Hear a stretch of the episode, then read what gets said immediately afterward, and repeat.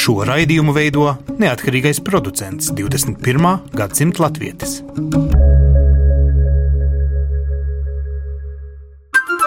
Lai kur mēs būtu, Lai kur mēs būtu, Lai kur mēs būtu, Lai kur mēs būtu, tie esam mēs. tie esam mēs. Mēs. Tie esam mēs. Mēs.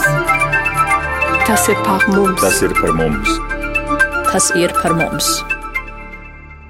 Sveicināti raidījumā 21. gadsimta latvieši. Šodien runāsim par 70 gadus veciem, bet ļoti svarīgiem svētkiem. Eslingena tā noteikti ir vieta, kas daudziem latviešiem, nu vismaz tiem, kuri trimdā un viņu bērniem pavadījuši nu, lielāko daļu savas dzīves, nozīmē kaut ko uzreiz un ļoti precīzu. Bet uh, Latvijā šķiet tā ir vēstures lapas puse, par kuru daudziem skolā nemāca. Un te lūk, manas sarunu biedrenes ir divas uh, jaunkundas, kuras Latvijas vēsturi mācījās parastā latviešu skolā, tagad dzīvodams Vācijā, uzskata, ka tieši Vācijā nosvinot 70 gadus Eslingens dziesmu svētkiem, pirmajiem ārpus Latvijas, nebrīvē, pēc kara laikā nosvinētajiem dziesmu svētkiem, ka šim simboliskajam aktam šovasar ir jānotiek un jānotiek tieši tāpēc, lai izskaidrotu, kas ir Eslingen. Šis raidījums būs noteikti tikai sākums, lai to izprastu. Iespējams, ka vasarā daudz no jums pēc šī raidījuma noklausīšanās gribēs aizbraukt Vācijā 16. līdz 18. jūnijā, tieši pirms Jāņiem, viskaistākajā dabas ziedonī notiks īpaši svētki, kur no malu malām, no daudziem kontinentiem sabrauks tie, kas kādreiz dzīvoja Eslingenē, tie, kas tagad dzīvo Austrālijā un Amerikā, Kanādā un varbūt pat Jaunzēlandē. Cilvēki, kuriem Eslingen daudz ko nozīmē. Sveika, Laura Putāna vada Študgārdas Latviešu biedrību saime, nu, Vācijas Latviešu biedrību, kas uzņēmusies būt par priekšnieci. Karīna Ziglere ir arī dzana Latvijā dzimusi augusta, tāpat kā uh, Laura, bet, nu, tagad jūs abas esat Vācijā. Nu, pirmkārt, izskaidrojiet, lūdzu, kāpēc jums šīs vēstures anāls ir svarīgāks šķirstāms nekā pašiem tiešām Vācijā dzimušiem augušiem Eslingenā mūžu sākušiem jauniem cilvēkiem. Nu, tieši tā, kā tu saki, Anci, mūsu ceļi mūs ir aizveduši uz Študgarti, uz Eslingenes tuvumā esošo pilsētu, uz Vāciju. Un uh, man liekas, ka šie svētki vienkārši, es to sev skaidroju, ka tie svētki atrada mūs, jeb mani. Un uh, izlasot šo informāciju, iepazīstoties ar to, ka 47. gadā bija latviešu nometne, kā teicis Latvijas skolā, mēs varbūt par to nemācījāmies nemaz, un tā bija pilnīgi jauna informācija mums. Saskaroties ar to, iepazīstot to un uh, pētot un lasot aizvien dziļāk un vairāk, man liekas, tikai tad tapa skaidrs mums, kas tur Eslingenā vispār ir bijis. Bet tā ir baigā sāpe arī. Cik es esmu redzējis cilvēkiem, kad runā par Eslingenu, parasti asaras ir vai nu pirmajā vai pusotra pirmajā minūtē. Jā, tās man liekas, ir dalītas emocijas. Tās ir sāpes, tie ir arī ļoti bēdīgi momenti, sāpīgi un skarbi dzīves mirkļi, bet tās ir arī, man liekas, jau gadu laikā apvijušās tādas skaistas atmiņas par arī skaistiem mirkļiem, kas ir varbūt mazi ikdienas mirkļi, bet tomēr palikuši tādā skaistā atmiņā. Karina, tu esi Vācijā cik gadus? Nu jau trīs ap pus. Nu, re, un šajos trīs ap pus gados, būdama Latviete, nu, kā teikt, no Latvijas, ja, tu piesaisties risināt lietu, kur patiesībā ir trimdas sāpe, kur nav Latvijas latviešu sāpe. Ir jādala šīs sāpes kaut kādā piedarības apmērā, jo neviena no jums nav, nu, kā teikt, no tiešām trimdas, no dīpīšu nometņu, vismaz bērnu bērniem. Ar mani personīgi ir tā, ka tā sāpe eh, aizkustina arī mani ļoti spēcīgi, un tas tā kā viss ievāk tev iekšā, jo vairāk tu par to lasi, jo vairāk tu par to uzzini, iedziļinies tajā visā, tas aizkustina arī līdz sirds dziļumiem. Ja tā īpaši vēl līdz šim nav neviens to stāstu stāstījis un, un tā kā izgaismojis, tad tagad tas ir jādara, un mani tā ideja ļoti aizrauja.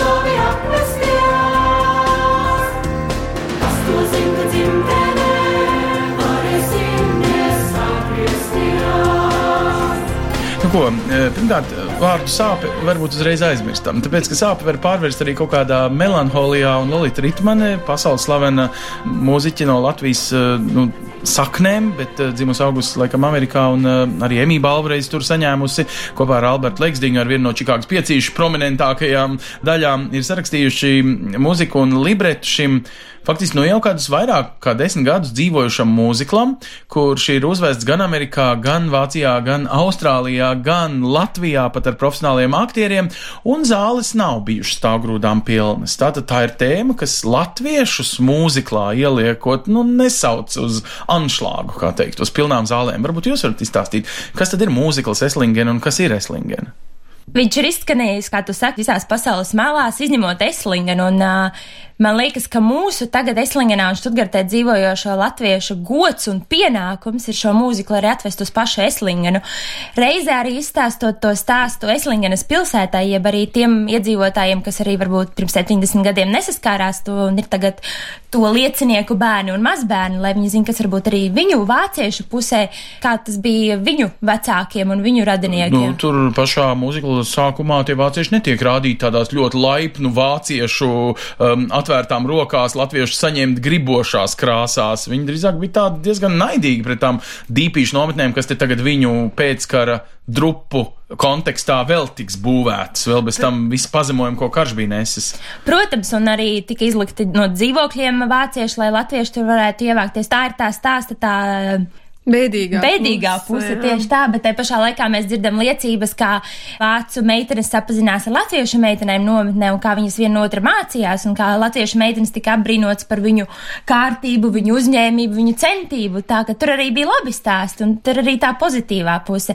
Bet pie mūzikas atgriežoties, tas, ko Karina teica, mums bija pirmais mēģinājums mūzikam, kopmēģinājums, kurā piedalījās uh, mūziķi, aktieri un gan profesionāļi, gan amatieri no astoņām Eiropas valstīm.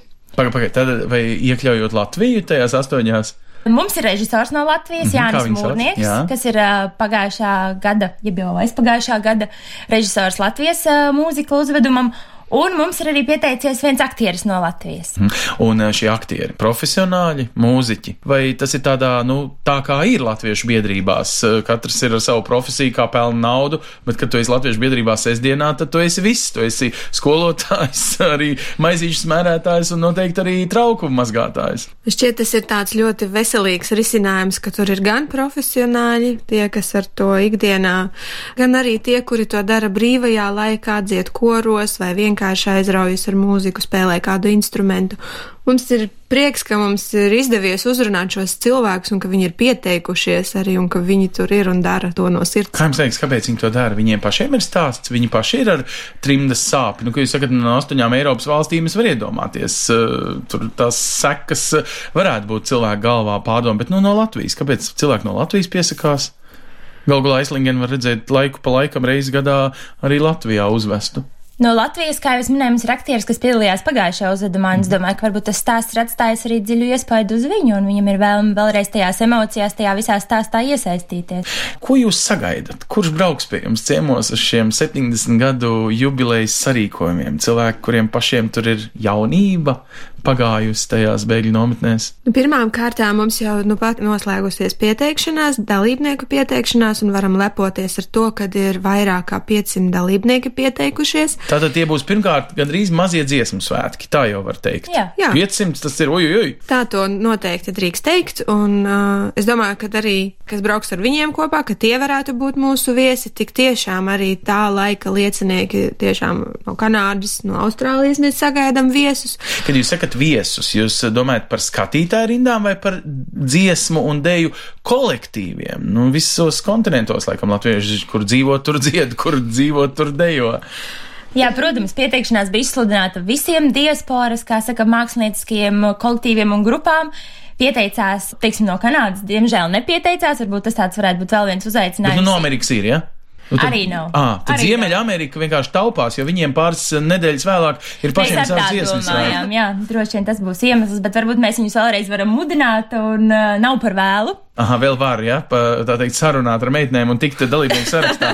Bet, um, nu, tie ir trīs pilnas dienas uh, Vācijā, kurā sākot no rīta ar atklāšanas dievkalpojumu, protams, neiztrūkstošo svētku gājienu un visas pilsētas pieskandināšana ir gan deju koncerts, gan pats mūzikls Eslingen, kā tāda laikam kvintesence visiem svētkiem. Bet tad nākamajā dienā, sestdienā, arī dzan koru koncerts, uh, deju kolektīvu koncertu svētku balli, ko paši vācieši par šito saka, ka latvieši pie viņiem ved tādu tingeli tangeli 70 gadu vēlāk. Nepietiek, ka jūs toreiz jau 5 gadus tur visi dzīvojāt uz mūsu nerviem, ak, jūs latvieši tur esot taču bijuši daudz tūkstošu cilvēku. Tas ir bijis kārtīgs bariņš ar tautiešiem. 6000 latviešu dzīvojuši Esligā. Jā, bet jā, laikam ir saskaita visas apkārtnes, bēgļu Jā, tad ir nometnes. noteikti- eh, Tur ir ļoti daudz eh, pilsētiņās Jā. bijušas arī citas. Vienkārši. Eslingēna laikam ir simbols, jo ir bijusi lielākā, ja? Tieši tā.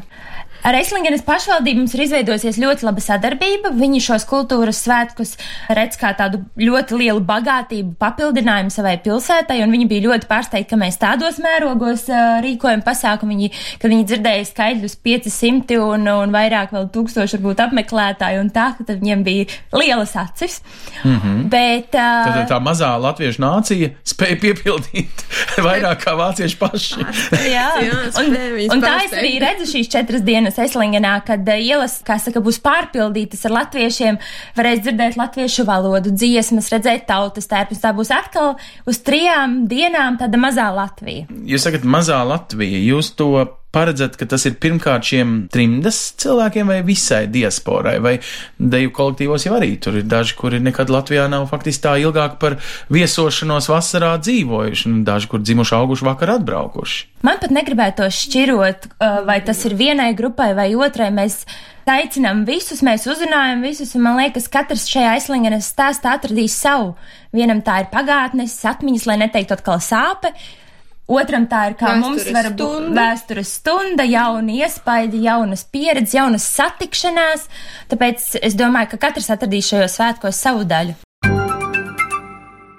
Un tagad aicinu ieklausīties sarunā ar bijušo Latviešu evaņģēliskās Lutheriskās baznīcas arhibīskapu Vācijā Elmāru Ernstu Rozīti.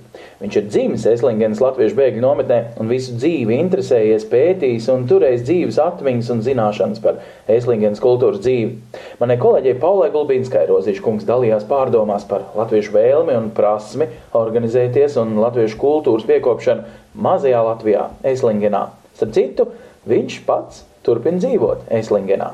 Man pašam vēl e, nebija izdevība šo nometni redzēt, jo es ierados šajā pasaulē 48. gadā, e, un e, tad jau 49. līdz 51. 52. gadam bija lielais izceļošanas vilnis, kad latvieši no Eslingenes tad izklīdi pa visu pasauli. Bet nu tie pirmie četri līdz septiņi gadi ir arī kultūras ziņā, politiskā ziņā, sabiedriskā ziņā bijuši ļoti intensīvi. Bija teātri, uh, kammermuzikas ansambļi, protams, draudzes, faktiski nekas netrūka, kas kultūras dzīvei vajadzīgs, jo daudz cilvēki ar sevišķām spējām no visas Latvijas uz četriem līdz septiņiem gadiem atradās Eslingenā, tā kā pulcējās tik tuvu, kā tas Latvijā pat nebija bijis. Tā bija iespēja savu identitāti uzturēt priekš sevis un arī ar mērķi, tomēr agrāk vai vēlāk, e, to spēc turpināt atkal neatkarīgā Latvijā. Nāca klāt arī tādi apstākļi, ka šeit jau nebija darba un latviešiem pat nebija nekāda iespēja piedalīties uh, izpostītā Vācijā kaut kādīgā uh, maizes darbā.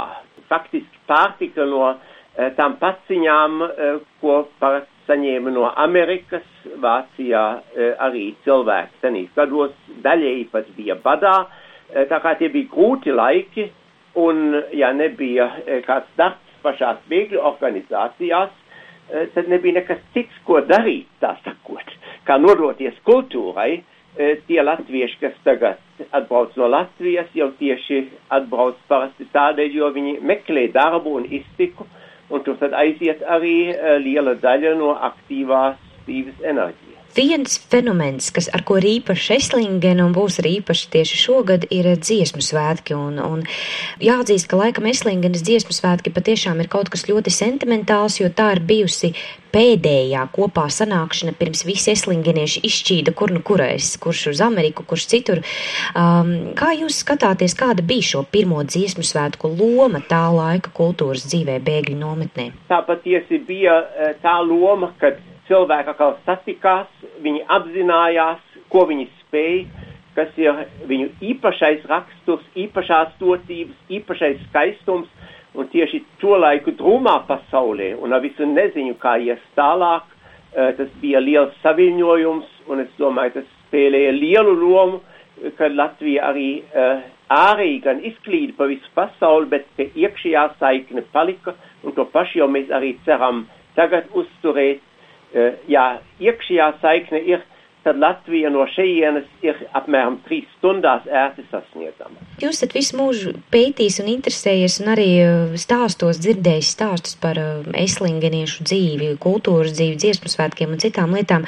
Kas ir tā lieta, kas vēl joprojām jūs pārsteidz par to un kas vēl joprojām jūs fascinē par to laiku un tām latviešu spējām organizēties un, un veidot šādu intensīvu kultūras dzīvi? Patiesi, um, latviešiem ir šī dotība, uh, ka viņi uh, arī jau mazā skaitā mēdz organizēties, un viņiem senos laikos jau bija kaut kas svarīgs līdzdots, tas ir izglītība. Uh, un uz šīs izglītības pamata tad arī ir spējas to skaistumu, ta, garamantas, tautas dziesmas, visu tautas mākslu arī īstenot tādā veidā, kas pašiem patīk un kas arī e, spēj iespaidot e, pat vietējo vācu sabiedrību. Spēja iespaidot, vai ne? Es pieļauju, ka Eslingens vācieši bija pārsteigti par to, ko latvieši spēja izdarīt dažu gadu laikā. Nu, latviešiem arī sava iedomība ir, un kā viņi uzstājās, vācieši prasīja, vai jūs armijā vispār bija arī vienkārši karavīri, jeb tikai oficieri un ģenerāļi. Tie esam mēs. 70 uh, gadu svētki, tas ir arī tāds zīmīgs, gan arī cilvēka mūža garums dažreiz, nu tādu vidējo cilvēku mūžu skatoties. Dziest arī tās atmiņas. Jūs, iespējams, verat vaļā ļoti nopietnu, nozīmīgu tādu emocionālu saiti, kuru ir vērts uzturēt emocionāli, lai nu, mudinātu, piemēram, ģimenēs runāt par to, vai es esmu novērojuši, ka trimdas sabiedrībā tās sāpīgākās lietas vecvecāki pietaupa par tām kara šausmām vai ko. Gan tie jaunieši, kas dzīvo Latvijā, gan tie jaunieši, kas dzīvo no rietumu sabiedrībās, varbūt slikti vairs saprot vecvectēvu latviešu valodu, nevienmēr uzzina tos skaudros vēstures faktus. Nu, mūzikls arī ir tāds romantizēts, tur mīlestības stāsts, visa pamatā, kā jau visos mūziklos. Vai jūs gribētu, lai kāds sāk virināt tās vēstures lapas un kaut ko raksta par to tādā tiešām objektīvā mērcē, nevis tajā romantizētajā, kā citreiz trimdā arī ir lasīts literatūras romantisks atmiņas par to, kā es gāju un kā es visu uzvarēju? Es domāju, tā ir uh, eslingene, ja trimdas lapas puses mūsu tautas, mūsu cilvēku vēsturē, tā ir mūsu vēsture un tā ir jāraksta, tāpat kā mēs rakstam par citām notikumiem liecības, tā arī būtu jāraksta, varbūt neromantizējot, neizpušķojot, bet lietas tā, kā viņas bija, gan ar to negatīvo, gan ar to pozitīvo.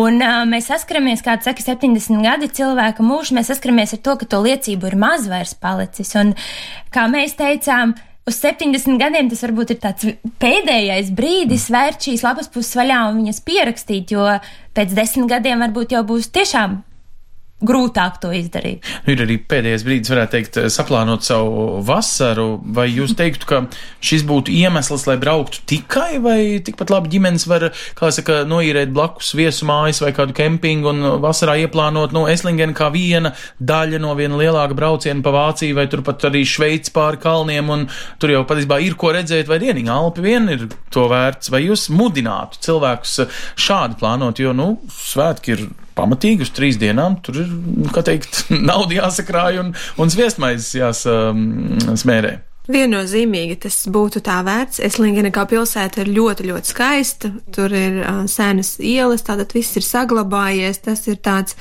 nu tiešām ejot pa tām ieliņām, tu tā, tāda sajūta, ka tu pieskaries pagātnē, un tas ir ļoti, ļoti skaists brīdis, tā, tā sajūtos es. Un es gribētu novēlēt to cilvēkiem, ja viņi tiešām plāno braukt uh, vasarā uz Vāciju, noteikti apmeklēt Eslingenu. Kas vēl no latviešu lietas ir palicis? Nu, kaut vai šīs bēgļu nometņu, kā cits saka, bara barakas, kaut gan solīdas mājas, cik es saprotu, ir bijušas. Tur ir kaut kādas piemiņas zīmes, tur ir kāda piemiņas istaba, vai tas viss ir tagad jums jārada šos svētkus radot no nulles?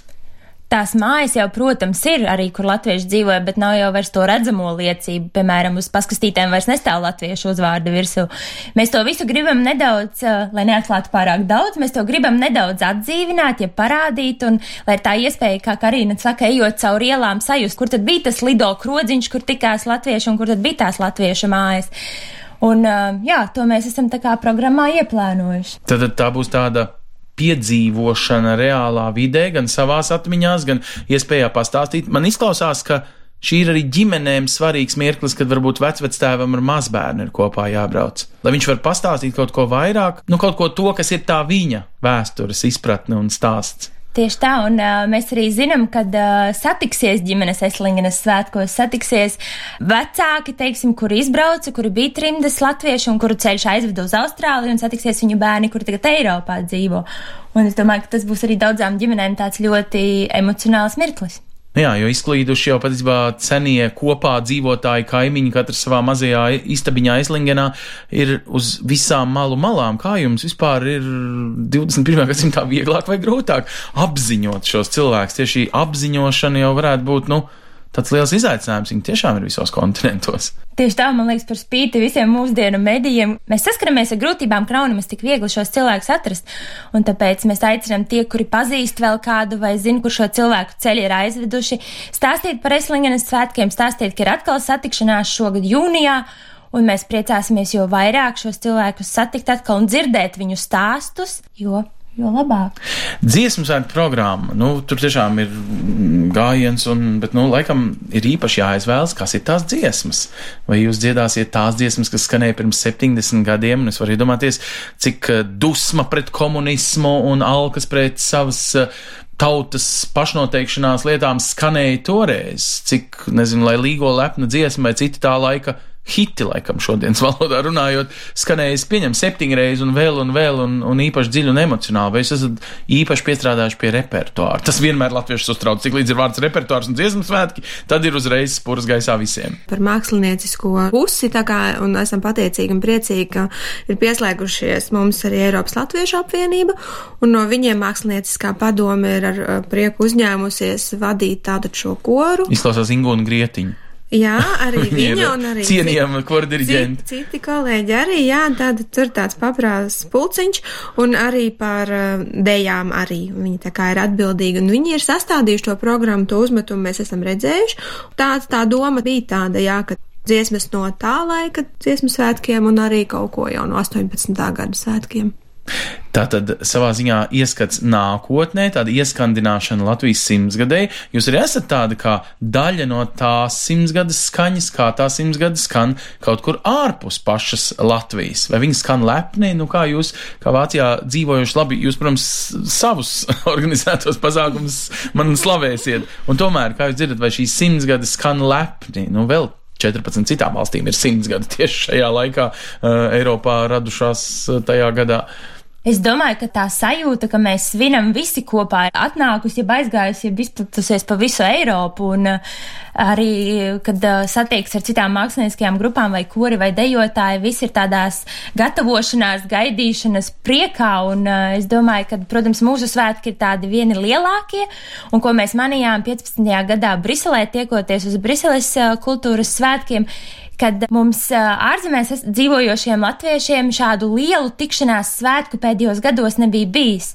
Katrs darbojās savā kopienā, savā valstī varbūt, un tie bija tādi atkal, teiksim, atzimuši kultūras dienas, jeb kultūras svētki, un es domāju, pēc tā augsta ārzemēs dzīvojošie latvieši arī mēs, un es domāju, ka šie būs tādi tiešām ceļā uz simtgadi ļoti lieli svētki. Jūs sakat, ļoti lieli. Kā jūs to vispār tik lielu varat norganizēt? Jūs metat sestdienās visu, kas paliek pāri no maizes pirkšanas, vai jūs ejat pie Latvijas valdības? Kā, kā šādas lietas, nu tiešām ar 500 dalībniekiem vien, tad cik vēl būs skatītājos, cik vēl tur ir līdz atbraukušās ģimenes un viss tās tehniskās izmaksas. Nu, es neticu, ka māza Eslingens pašvaldība visu jums uzsauc. Neuzsauc gan, bet mums ir ļoti daudz sadarbības partneru un mēs sākām gatavoties jau, nu jau vairāk kā gadu atpakaļ. Un, kā jau Karina minēja, mēs sadarbojamies ar Eiropas Latviešu apvienību, bet mums ir arī sadarbība ar Pasaules Brīvo Latviešu mm -hmm. apvienību, ar Latviešu kopību Vācijā. Esam arī Eslingenes pašvaldību iesaistījuši. Viņi protams, nemaksā mums visu un nesadz visu budžetu, bet viņi iesaistās viņi ļoti pretimnākoši, jo viņi redz tos arī kā savus svētkus. Kā jums liekas, ko viņi iegūst no tā? Latvieši nosvin, skaidrs. Nu, kultūras ministrija jums palīdz, tā ir simts gadus it kā, bet tā ir baigā latviešu lieta. Kāpēc citiem vajadzētu to nu, saprast? Tāpēc, ka mēs esam patiesībā daļa arī no viņa vēstures. Tie vietējie iedzīvotāji un arī pašvaldībā viņi saprot to mūsu stāstu, viņi identificējas ar to, viņi jau tos arī sāk uztvert kā savus svētkus, viņi saprot, ka tas ir par Eslingenu. Jā, tātad, ka tas tāds viss ļoti tādā pozitīvā gaismā tiek pasniegts. Un... Tā teikt, ne par katru mazu vācu pilsētiņu kaut kur dienvidos viena Emī balvas saņēmēja komponisti ņem un uzraksta veselu mūziklu. Jā, nu, jā, tas varētu būt, ka ielīdzmo. Tad jau snāk Eslingens mūzikls jātulko arī vācu valodā. Vai jūs domājat par titriem dažādās valodās? Piedodiet, ne jau visi latvieši arī vairs runā latviski. Titri jau ir, tie ir tapuši. Mums jau bija no sākuma skaidrs, ka ir jābūt vācu valodā arī, lai šo stāstu aiznestu tālāk. Un skatīsimies, protams, kā mēs arī to tehniski varam uh, nodrošināt, bet tas, protams, ir, un mēs arī vācu publiku, ja Eslingenā dzīvojošos vāciešus un citas tautības, protams, mēs redzam arī kā svētku dalībniekus. Ir ideja, ir doma, ka, piemēram, Eslingenas kori piedalīsies arī koru koncertā, tāpat arī dejotāji, tā ka mēs viņus gribam ne tikai kā skatītājus, bet arī kā daļu no tā visa. Nu, viņi jau tur arī bija tā, kā daļa tajās bēgļu nometnēs, jau ņigu ņēgu gāja dažādas tautības. Nu, Eslingenē gan, laikam, es saprotu, valoda bija tiešām latviešu un pārsvarā viss notika latviski pārvaldnieks, kā teikt, sazinājās ar Eslingenas pašvaldību un tad uh, atnes latviešiem ziņas um, atpakaļ. Kā jūs skatāties uz šo savā ziņā tādu, nezinu, konkurenci vai uh, tas ir labi? Austrālijas Latviešu kultūras dienās tikko bija uzvest Eslingena, kaut kur citur ir dzirdēts arī Eslingena šajās, uh, nu, simts gadus kontekstā, 70 gadu kopš Eslingenas pašas uh, rašanās vai dziesmu svētku rašanās, tāda svinēta visur pasaulē. Jums patīk, ka jums ir tik daudz konkurentu vai kopiju? Negribētos viņus saukt par konkurentiem vai par kopijām. Man ir prieks, ka viņi to arī rādīja. Mēs arī bijām Austrālijā, mēs skatījāmies to izrādi. Un uzreiz jau, protams, ar citu skatījumu nekā iepriekšējās uh, versijas, jā, protams, jo tad tā kā esi vairāk iekšā. Neuztveru viņus kā konkurentus, jo tas ir tikai par labu, jo vairāk cilvēki viņus to stāstu stāstīs, rādīs, tas jo, jo labāk. Un kad tad jūs vedīsiet uz Latviju un izstāstīsiet tiem, kuriem vēl aizvien visdrīzāk nav skaidrs, kāpēc tik skaisti maz pilsētiņi tagad mēs apdziedam tā, it kā tā būtu dobele vai, nezinu, līvāni. Nu, kāpēc mēs ņemamies ap to eslingenu? Kas tur ir tajā eslingenē? Viņi tāpēc, ka tie pirmie dziesmu svētki, kas palaida visu dziesmu svētku tradīciju pēc kara sabiedrībā rietumos, kas ir tās eslingenes, kā jūs domājat, pati galvenā, tas sāls tajā visā? Man šķiet, ka uh, Eslingenā pašā ir tas, ka, un arī šajos svētkos, ka viņi nebūs vienkārši dziesmu svētki, viņi ir svētki ar tādu pievienotu vērtību, var teikt, ar to vēsturisko brīdi ko mēs ļoti gribam arī izcelt šajos svētkos, un kur kā, kur mums šķiet, ka tas ir tas, ar ko mēs pieaicinātu skatītāju, ar ko mēs arī uzrunājam dalībniekus. Nu, daži Vācijā dzīvojuši cilvēki vēl aizvien dzīvo Vācijā tikai tāpēc, ka Eslingens filtrācijā viņus neņēma ne uz Ameriku, ne uz Austrāliju, ne uz Kanādu. Kā Vācijas latviešu sabiedrība? Es domāju par to trimdas, to sabiedrības daļu uztver jūsu pūles atdzīvināt viņu vēstures uh, stāstu. Man liekas, ka varbūt mēs savā ziņā vēl tiekam saudzēti vai, vai loloti, bet mēs esam saskārušies patiesībā ar tikai tādu pozitīvu novērtējumu un priecājamies arī, protams, par to. Un mums Študgartē, ja Beslingenā mūsu tajā kopienā, kas mēs esam, pēdējos, es teiktu, piecos gados varbūt kļuvuši ļoti aktīvi, atkal tā kā atdzīvinājuši to visu latvisko šajās pilsētās un šajā reģionā, tad uh, mēs esam ļoti tāda sajaukta sabiedrība. Mums ir vecie trimdinieki, mēs esam tie jaunie izbraukušie un vēl ir uh, arī pa vidu visādi. Un, uh, mēs pat nekonkurējam, vai mums nav tā, ka mēs vien ar, viens ar otru neko negribam darīt. Mums ir ļoti cieša un ļoti skaista vienam ar otru tādas sadarbība attiecības izveidojušās. Nu, vēl jau vairāk ir tāds žests kā jūs, kurām nav nekāda trimdas pieskāriena.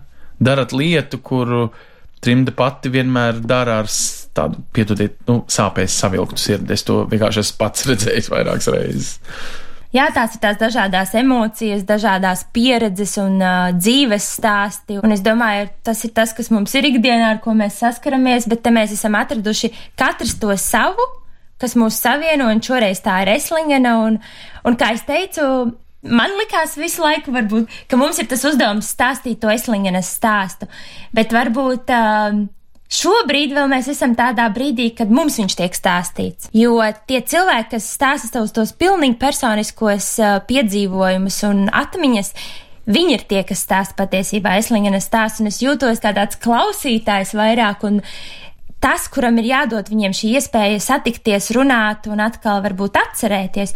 Un tad varbūt mēs būsim tie nākamie vēstneši, kas nāks uz Latviju un stāstīs šo Eslingenes stāstu. Mēs šo raidījumu ierakstām tieši tādēļ arī šobrīd un laižam ētrā, lai jūs katrs viens, kas dzirdat šo raidījumu, atceraties, kāds ir jūsu Eslingenes stāsts, atsūtat to mums savā ierakstītā veidā vai sūtat pa taisno Laurai un eh, Karīnai uz Študgartas Latviešu biedrības saime. Mēs eh, noteikti atgādināsim kādā citā raidījumā varbūt kādu vēsturisku pieskārienu, kas tad eh, notika Eslingenē, kādi notikumi, kādas emocijas, kādi varoņi un antivaroņi piedzima Eslingenē, kā mēs, kā tauta parādījām gan savu vienotību, gan savu sašķeltību, kādas vēsturiskas izvēles pieņēmām tad, kad Eslingenē faktiski pienāca beigas un cilvēki izklīda pa malu malām un pēckara jukas bija norimušas, bet bija arī skaidrs, ka Latvijas valsts savu neatkarību vēl kādu laiku neatgūs, un bēgļiem nācās braukt prom no Eslingenes nevis uz Latviju, bet uz daudzām citām jaunām mītnes zemēm, no kurām Daži nekad tā arī mājās neatbrauc. Arī tā ir konsekvence no šīs eh, bēgļu nometnes. Mēs par to noteikti šī pusgada laikā vēlreiz runāsim. Tagad jums, meitenes, es saku sirsnīgi paldies par to, ka esat pacēluši šo kā tēmu. Emocionāli jātiek galā eh, nācijai arī ar tādām neviennozīmīgām un pat nevienmēr labi izzinātām vēstures lapas pusēm. Bet raidījumu 21. gadsimta latvietas mēs vienmēr pabeidzam ar skaistiem, līksmiem un varbūt arī ļoti praktiskiem paziņojumiem par to, ko jūs kā dievs diasporā, proti ārpus Latvijas dzīvojošs tautietis, varat piedzīvot savā apkārtnē, bet latviskā vidē, lai kur jūs arī būtu. Tiekamies pēc apaļas nedēļas uz redzēšanos!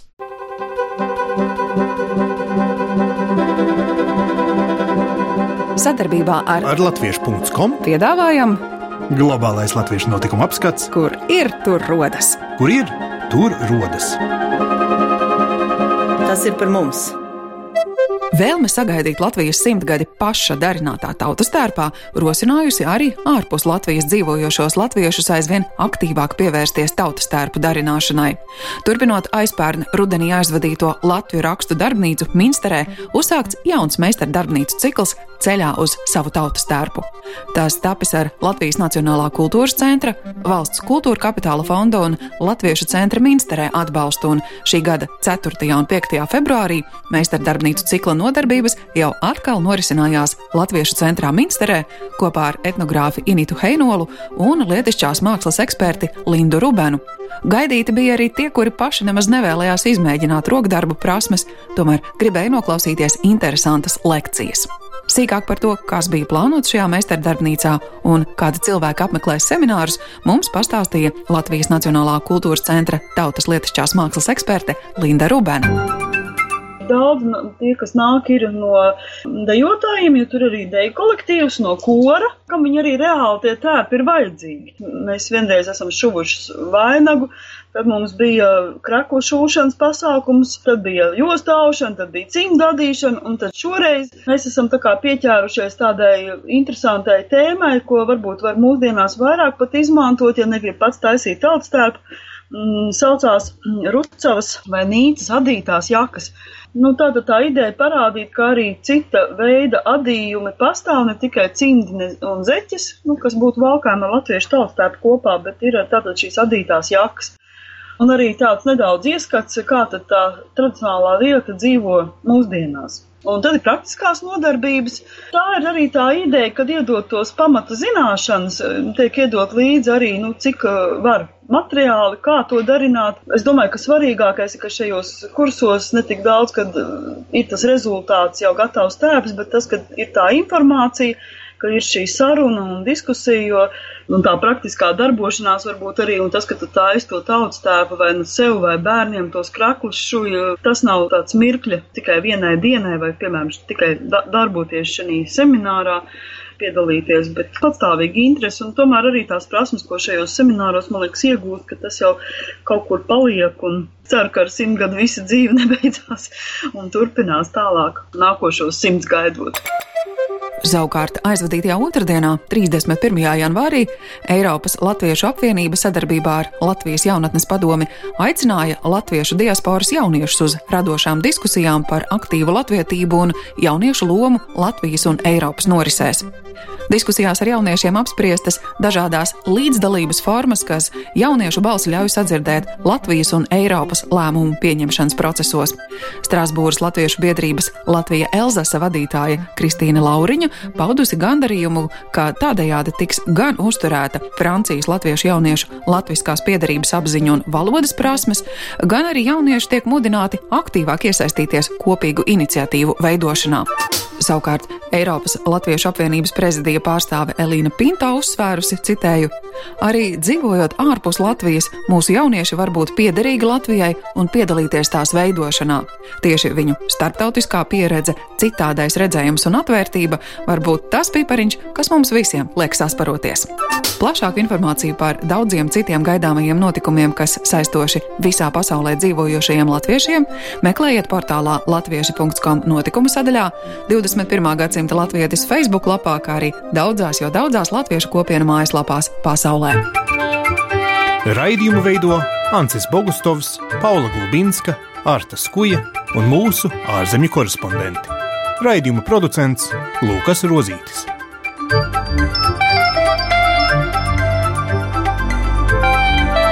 Lai kur mēs būtu, Lai kur mēs būtu, Tas ir par mums. Tie esam mēs. tas ir par mums. Tie esam mēs. Tie esam mēs. Tie esam mēs.